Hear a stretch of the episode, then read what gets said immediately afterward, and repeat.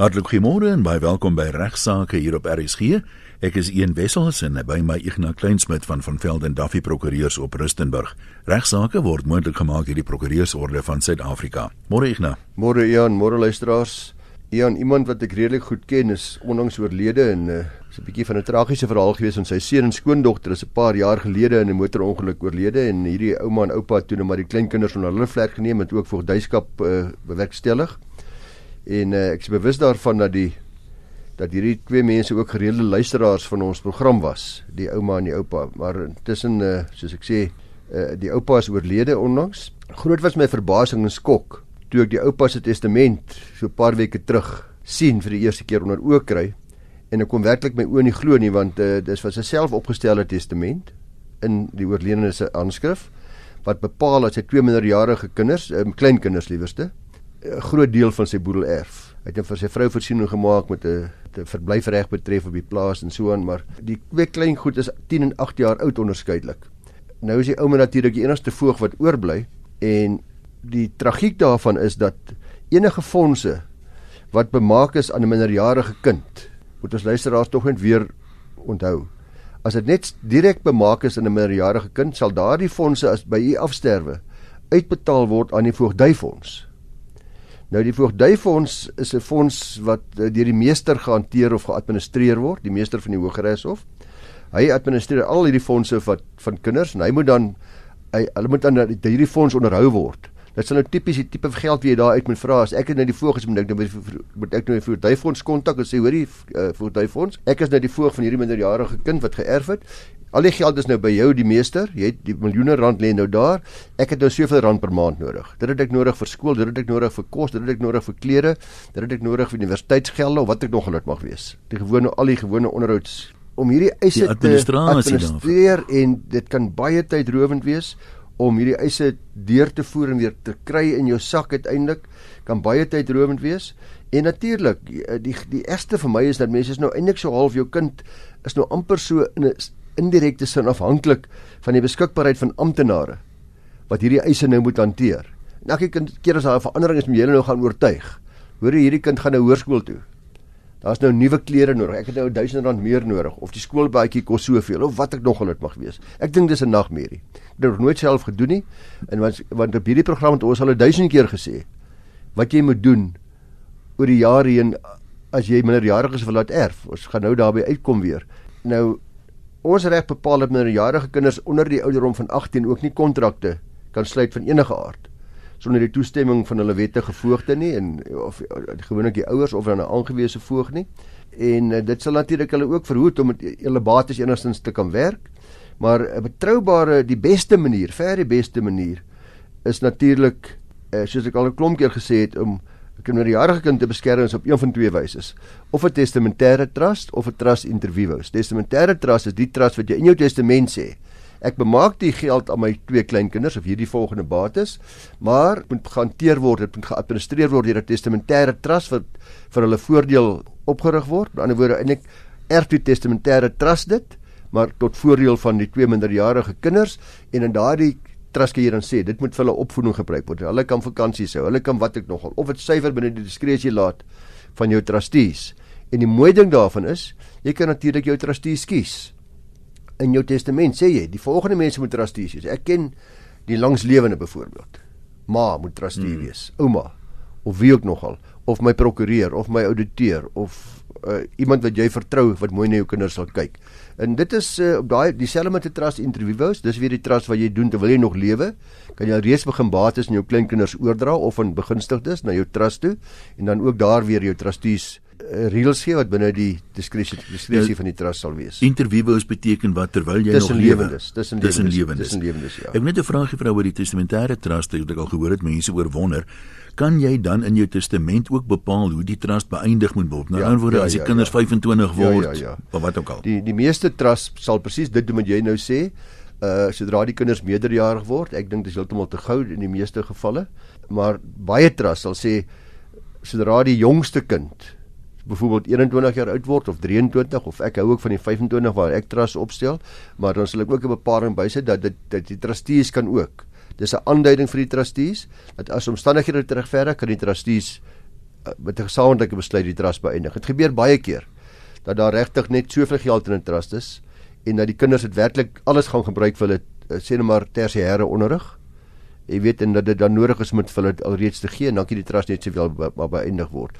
Maar uh dit is beter om dit vir die trustees te laat. Mens weet nie wat van jou kind gaan word nie. Jy weet nie wat die finansiële ja, omstandighede verander en mens kan nie elke moontlikheid ja. voorsien nie. Ja, presies. En dis waarom dit ook natuurlik 'n ander belangrike ding wat uh wat destyds uh, ook wat baie keer probleme skep is die vraag of dit gelyke bevoordeling moet wees. In die meeste trusts is daar geen sprake van gelyke bevoordeling, dit is binne die diskresie van die trustees. Die een kind sal byvoorbeeld in 'n motorfietsongeluk wees, net om 'n idee te gee. En hy het regtig baie groot mediese uitgawes en sorg nodig ensovoorts, terwyl die ander kind trou met 'n baie ryk man. Nou gaan jy altyd nog presies dieselfde hanteer as jy hmm. trustee is. Wou ek gevra het wat jy waar kry? ja.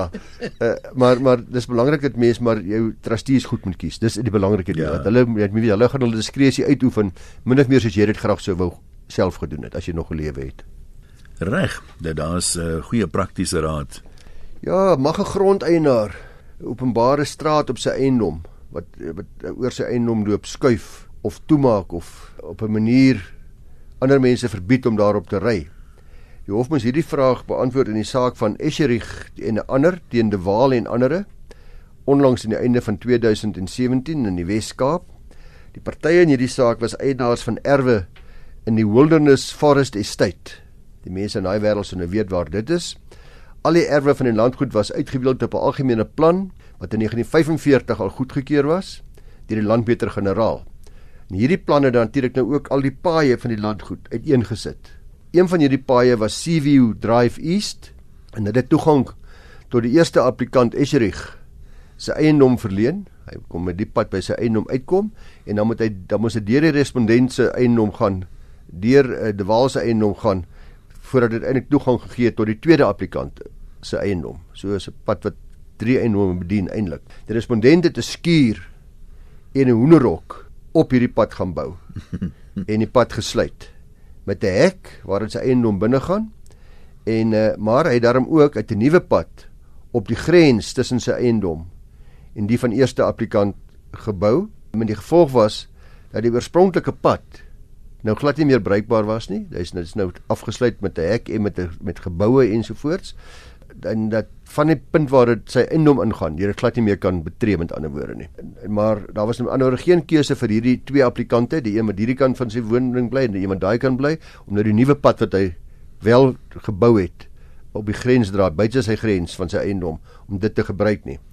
Die respondente het beweer dat uh, hy die nuwe pad gebou het om homself beter toegang te verleen na 'n spesifieke skuur op sy eiendom wanneer hy sy sleepwa sleep ensovoorts, maar die applikante het aangevoer dat die respondent hierdie pad net bloot toegemaak het met een rede, is om mense te verhoed om voor by sy huis verby te ry. Hy wil hy moet op 'n ander plek verby ry, nie voor by sy huis verby ry nie. En hulle het toe aansoek gedoen met die hof vir 'n bevel om hom te beveel om hierdie pad weer oop te maak.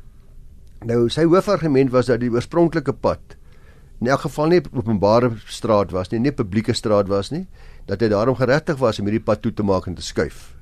Uh die hof het toe na die beskrywing van 'n publieke straat, 'n public street of openbare straat gaan kyk soos beskryf in die Divisional Council Ordinance nommer 18 van 1976. En die hof kom tot die gevolgtrekking dat al die paaie in hierdie landgoed kwalifiseer as publieke strate omdat hulle almal op 'n algemene plan uitgebeeld was wat deur die landmeter-generaal opgestel was en daai plan was geregistreer en geliaseer in die landmeter-generaal se kantoor waar hy nou nog vandag lê. Uh respondente daarom geen reg om niemand het 'n reg om eensydiglik aan so 'n pad te gaan torring nie uh, of dit te sluit tussen hierdie gevat nie of te skuif dan nie. Al dink hy gaan daarmee nou die probleem oplos. Daar bestaan 'n gevestigde prosedure sê die hof. As mens enige roete of ligging van 'n openbare straat wil verander en niemand van ons kan dit net eenvoudig net gaan omseil omdat dit jou nou nie meer lekker pas nie of jy 'n ander plan wil maak nie Verder het die respondent ook aangevoer dat indien die hof dan bevind dat dit wel 'n openbare of 'n publieke straat is, dan het die applikante nou hierdie twee ander medebure van hom, hulle het nie louke standie gehad nie. Met ander woorde, hulle het nie reg om die aansoek te bring nie. Louke standie beteken ek het die reg om die hof te nader. Ek het 'n belang by hierdie ding. Uh hy het beweer dat slegs die plaaslike owerheid so aansoek mag bring as dit 'n openbare straat is, want dit het te maak met 'n openbare uh, aangeleentheid Op hierdie punt het die hof ook besluit dat die applikante wel oorloope stand die bes eh, beskik het as gevolg van hulle gemeenregtelike reg om te verseker dat die stelsel ten opsigte van openbare strate van die land goed gehandhaaf word, as ook die feit dat hulle eie regte beperk was deur sy optrede, dat hulle direk geraak het. So die hof het die respondent beveel luisteraars om hierdie geboue wat hy opgerig het, ten duurste waarskynlik te sloop eer om die pad weer in die vorige posisie te herstel en dit weer oop te maak.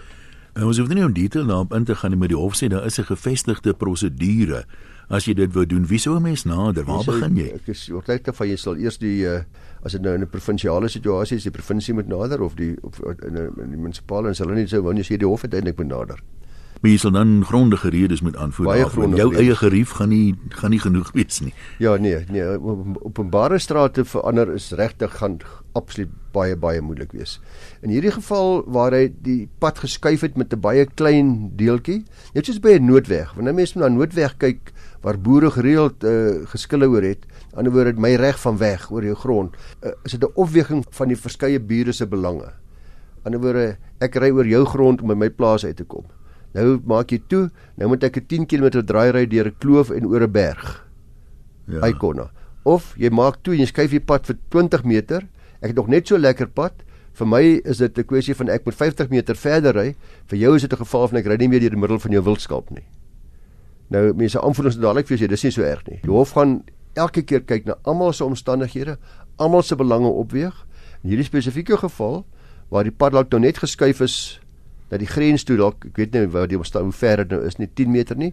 Met die regte prosedure mag hy dalk slaag maar die die hof het hier sy homself uitgespreek teen die feit dat mense reg in eie hande neem.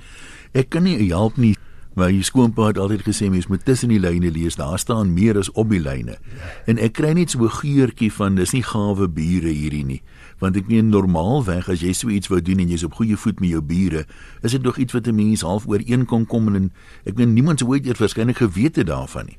Ja, mens sou glad nie weet wat die agtergrond was nie, maar jy's so reg. Ek kan nie meer beklemtoon dat uh, wat bure reg betref is die beste raad wat die beste prokureur in die hele wêreld vir jou behoort te gee. Wie ook maak jy saak wie sy is nie, is gaan praat eers, gaan probeer die ding in der minne skik. Probeer vriende bly want hier's nou 'n goeie geval van wat daai klein stukkie pad vir mense gevat het deur ja. baie duur hofsaake en afgesien van hofsaake dis die emosionele dreinering wat met so hofsaak gepaard gaan vir al die partye. Ja, daai ding van kinders almal jou wys jy moet dink jy ja. kan maak wat jy wil. Later voet die kinders mekaar ook, jy weet. Een ons 'n briefie gekry van 'n ouma, ek gaan net sy vra nie maar anoniem te bly nie, maar gaan haar naam nie noem net om ter wille daarvan om die kind en die dogter te beskerm. Ook die pa in hierdie geval dalk sy sê my seun is ongeveer 10 jaar gelede geskei. Net sy gewese egnoot self die egskeiding behartig en 'n skikkingsakte opgestel. Die skikkingsakte het nie voorsiening gemaak vir enige skolastiese of naskoolse aktiwiteite en vir enige ander eise gevat met betrekking tot ander onderhoud nie en die onderhoud het jaarliks met 10% verhoog. My kleindogter het in Mei 2017 18 jaar oud geword. Haar ma het haar ingeskryf by tikkies vir dit en dit en dat en sy is nog gekeer en sy sy sy het my seun nie genader om te vra of hy in staat sal wees om te help in haar studies nie. So die storie is hy het nou gaan studeer. Nou moet dit betaal word en nou wil die ma natuurlik by die pa ook 'n deel van die geld hê. Nou is hy steeds onderhoud. Sy uit hy's reiskoste daagliks van van ver af na tikkies toe. Uh my seun is nie vermoë om te betaal nie. Hy sukkel met onderhoud want hy's weer getroud. Hy het 'n dogtertjie van 9 hy werk in Johannesburg en daar's baie reiskoste na sy werk en so gaan sy aan. Maar dan sê sy uiteindelik my vraag is die volgende. Is hy verplig om nog steeds vir sy kleindogter sy gee die naam hier onderhoud te betaal aangesien sy die ouderdom van 18 jaar bereik het? En die skikkingsakte niks sê dat hy verplig is om onderhoud te betaal totdat sy enig self onderhoudend is nie of totdat sy of totdat sy of as hy meerderjarig is nie. En dan tweedens is hy verplig om haar reiskoste en tolgeld universiteit toe te betaal of enige ander universiteitsgelde. Dan derdens, sy eksvrou dreig hom nou en het sodanige prokureursbrief aan hom oorhandig. Volgens my kan mens nie die prokureur se brief net oorhandig nie, dit moet tog sekerlik per aangetekende pos aan my seun gestuur word of so iets. Sy sê hulle kom ook nooit by my seun kuier nie en dis net wanneer sy geld nodig het. nou uh daarmee ja, u seun se onderhouds eis of die eis teen u seun verval nie as sy dogter 18 jaar oud word nie. Die onderhoudsplig van ouers bly voortbestaan vir so lank as wat kinders onderhoudsbehoeftig is.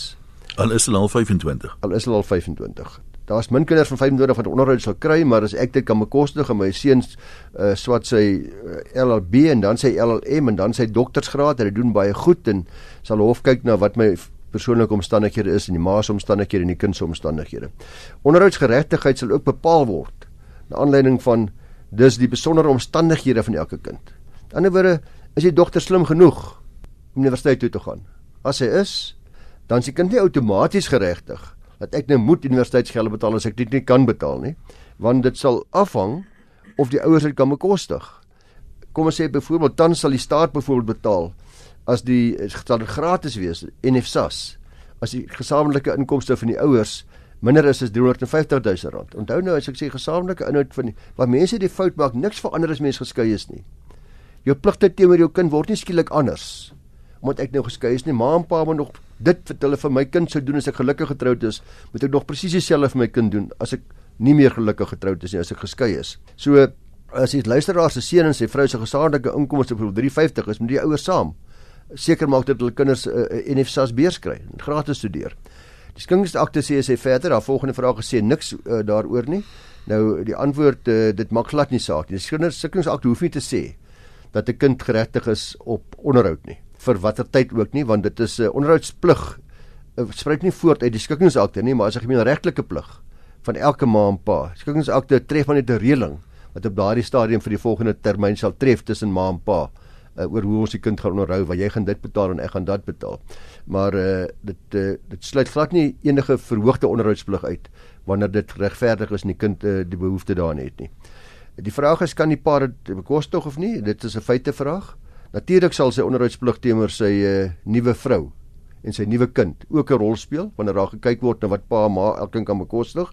Ma en pa se pro rata verdienste, hulle vermoë om te hulle inkomste, inkomste en uitgawes in ag genome, sal bepaal watter bydrae elkeen moet of kan maak tot die universiteitsgeld en alle ander redelike uitgawes, reiskoste ensovoorts ensovoorts. Dis 'n oefening wat mense moet gaan sit by mekaar, goeie ordentlike maanpaas wat ek dit anders dit klink nou sleg. Uh mense wat goed oor die weg kom nog en ons hoop altyd gemaas en paas gaan goed geboorte saam te gaan sit. Uh en as dit nie kan nie dan met twee prokureurs gaan sit en sê hier is die behoeftes, dis wat redelik is. Dis wat hierso ons inkomste en uitgawes, dis wat elkeen van ons kan bekostig. Ek verdien R50000 'n maand, jy verdien R10000 'n maand. Natuurlik kan ons nie dieselfde bekostig nie. Ek het 'n nuwe gesin, jy het nie 'n nuwe gesin nie. Ag en so kan ons aangaan met al ons elke liewe uitgawe gaan 'n rol speel en uiteindelik gaan die hof dan bepaal watter ouer in staat is en of die ouers in staat is om daai klein ding in die universiteitsgeld te betaal. Nee, ek wil net gesê dit is ook prakties wel so dat daar's baie gevalle van 'n kind wat kwalifiseer om universiteit toe te gaan, maar die ouers kan dit dood eenvoudig nie bekostig nie. Daar is nie 'n lening of 'n ding beskikbaar nie. So ek meen ons praat nou hier van gratis ja, ja, studeer ja, ja, en so, maar ja, ja. mens moet dit nie aanvaar as 'n reg nie. Nee, presies. Dis wat hier nou verkeerd geloop het. Maat nou net dood eenvoudig gaan inskryf. En nou na al die uitgawes aangegaan is, nou moet die kind so ver ry en dis die studiegelde en daar's nie beurse nie. Daar's nou nie vooraf mooi beplan nie en dis wat die dis wat hierdie ouma nou omkrap. Dis my hmm. baie duidelik en ja. wat die pa ook omkrap. As ek deel is van dit wat beplan word. Die meeste ouers Ian en ek wil nou nie preker klink, die meeste ouers sal selfs bates verkoop om hulle kinders universiteit toe te stuur om die beste moontlik te doen wat hulle tersiêre onderrig betref. En dis wat die versoek wat 'n mens maar wil rig aan ouers. Dis nie net altyd kyk na wat is my inkomste en uitgawes nie. Wat kan ek watter planne kan ek maak? Kan ek 'n lening aangaan, 'n studielening aangaan vir my kind? Kan ek borg staan vir my kind se studielening totdat hy of sy weer werksaam is? Ek gaan so kan mense net maar uh, planne maak en mense hoop mense maak planne nie uh, dat mense nie wil kyk hoe min jy kan betaal. Daar's niks slegter dink ek as 'n pa of 'n ma, maar kyk hoe min hy of sy kan betaal wat sê waarmee kan hulle wegkom nie. Uh, dis Absoluut. dis erg. Nou wat die prokureur se brief oor betref mevrou nee dis uh, nie waar dat die prokureur se brief nie oorhandig kan word nie inteendeel as nie 'n beter manier om 'n boodskap oor te dra as om dit per hand vir iemand te gee nie. So daar's geen reëls wat uh, sê dit moet per aangetekende pos of deur 'n balie of iets beteken ja, word nie. Mense kan tog nou omdraai en sê ek het dit nie gekry nie as jy erken dis aan jou ja. oorhandig nie. So wat ek maar net vir hierdie ouma kan sê ek sien die ouma is redelik uh, ongelukkig ek sê baie dikwels vir grootouers, hulle kan 'n ongelooflike positiewe rol positiewe rol speel as hulle kan vrede maak tussen die ma en die pa hier en nie wers hulle om 'n tafel laat kom sit en saam praat oor wat in belang is van die kleindogter. Absoluut. Ek het 'n skrywe ontvang van 'n persoon met die naam van Saartjie Bouman van die Oosrand. Nou een toe ek die naam hoor, as ek reg is, ek sê die Saartjie boeke was ek 'n kind gelees het, was ook Saartjie Bouman, né? Nee. Ek het geen idee nie. Ek kon ek onthou so iets. Nou in elk geval Saartjie sê hulle het 'n woonstel op hulle erf. Uh, sy praat van 'n granny flat en naby hulle is 'n gastehuis. Sy sê die gastehuis behoort aan 'n vriendin. En soms wanneer die gastehuis vol is, dan vra die vriendin hulle om dan ook gaste by hulle te laat bly, daar in hulle granny flat en hulle in hulle tuinwoonstel. Sy sê dit neem nou redelik toe, party maande selfs tot 8 dae per maand. Is 'n heerlike addisionele inkomste skryf sy en die gastehuis betaal dan sommer die inkomste direk in haar man se bankrekening in. So hulle werk nie ek self met die geld nie, lyk like vir my. Sy sê sy skryf 'n redelike, wel, sy skryf 'n baie lang brief en waar sy onder andere meld dat sommige van die gaste al vir haar BTW faktuur gevra het en sê dit het nogal probleme geskep. Die brief sê nie hoe sy die probleem opgelos het nie en of sy wel een of ander faktuur gefabriseer het vir die mense nie. Ek sy sê sê dit dit was 'n probleem gewees. Dit blyk dat die verskaffing van verblyf teen vergoeding deur haar nou al reeds 'n hele paar jaar duur. Sy sê 3 jaar, langer as 3 jaar. En sy sê dan het hulle nog nooit daarop belasting betaal nie. Nou kom ek by die probleem uit. Omdat hulle nie geweet het dat hulle daarop belas gaan word nie. Maar sy sê haar vriendin, dis nou die eienares van die gastehuis, het nou vir haar staat sê die staat vir my saamgestuur. Het nou vir haar staat gestuur van die afgelope 2 jaar se inkomste wat nou deur die gastehuis en hulle oorbetaal is. Die gastehuis wil dit seker aftrek van belasting. Dis wat die ding probleem ja, kom. Ja, dis dis nou 'n probleem. Die vriendinne toe nou ook met haar telefoniese gesprek gehad of en dit blyk dat dat die vriendin nou aanvaar het dat hulle, dis nou die luisteraar, dat hulle hierdie inkomste aan die ontvanger van inkomste openbaar het want hulle dit moes ontvang en dat hulle daarop belasting betaal het. Jy sien die, ek is seker van die gastehuis is nou, is nou daarop belas, daar het nou probleme gekom uh en dit moes natuurlik is die gastehuis eienares reg. Dis inkomste wat daar nie toegeval het nie, dit die vriendin toegeval. Sy het die geld in haar sak gesteek, die luisteraar. Nou ja, Saartjie, jou vriendin is heeltemal reg. Sy o, Saartjie sê hulle is baie bekommerd en hulle weet wat moet hulle nou doen, maar die, dis sy's reg, ons is almal verplig om alle inkomste wat ons verdien vir belastinglooners te verklaar. Dit sluit dan ook in en dit word duidelik in die wet so uitgespel, ook huurinkomste. Ek dink vir al mense wat nou luister, die wat vakansiehuise of vakansiewoonstelle het, moet ook maar baie mooi luister en dink hulle is waarskynlik die groot sondebokke wanneer dit kom by die ontvangs van inkomste sonder om dit aan die ontvanger van inkomste te verklaar en die Suid-Afrikaanse inkomste dienste verklaar. Dis duidelik dat jou uh, dat Saartjie se ontvangs van gaste beslis beskou sal word as 'n gastehuis wat inkomste verdien in terme van die betrokke wetgewing. Selfs as jy 'n deel van jou huis net sou onderverhuur, is dit ingesluit by die definisie van verhuuring. As jy 'n kamer verhuur, is dit ingesluit by die definisie van verhuuring. Lusies gee vir mense ensovoorts. Nou jy en of jou man sal dan met die opgawe van julle belasting eenmal per jaar hierdie totale huurgeld vir daardie jaar moet verklaar. En daarop sal julle dan belas word. Daar's dan ook so 'n bietjie goeie nuus. Naamlik dat huurgelde wat belasbaar is, kan verminder word met al die uitgawes wat jy aangegaan het gedurende die verhuuringstermyn om daardie inkomste te genereer. Dis egter uitgawes wat spesifiek aangegaan is met die oog daarop om daardie huurinkomste te verdien. Met ander woorde, ek het nou die kamer baie mooi gemaak. Ek het gaan ek het 'n nuwe bed gaan koop waar die gas, daar was nie 'n bed nie. Ek het dit ek het nuwe gordyne gehang. Ek het 'n yskassie ingesit of wat ek nog wat dit mag wees, 'n TV stel ensovoorts. Nou ek kan 'n paar voorbeelde gee van wat moontlik op jou van toepassing kan wees. Dis nou Saartjie, soos byvoorbeeld 'n deel van die erfbelasting.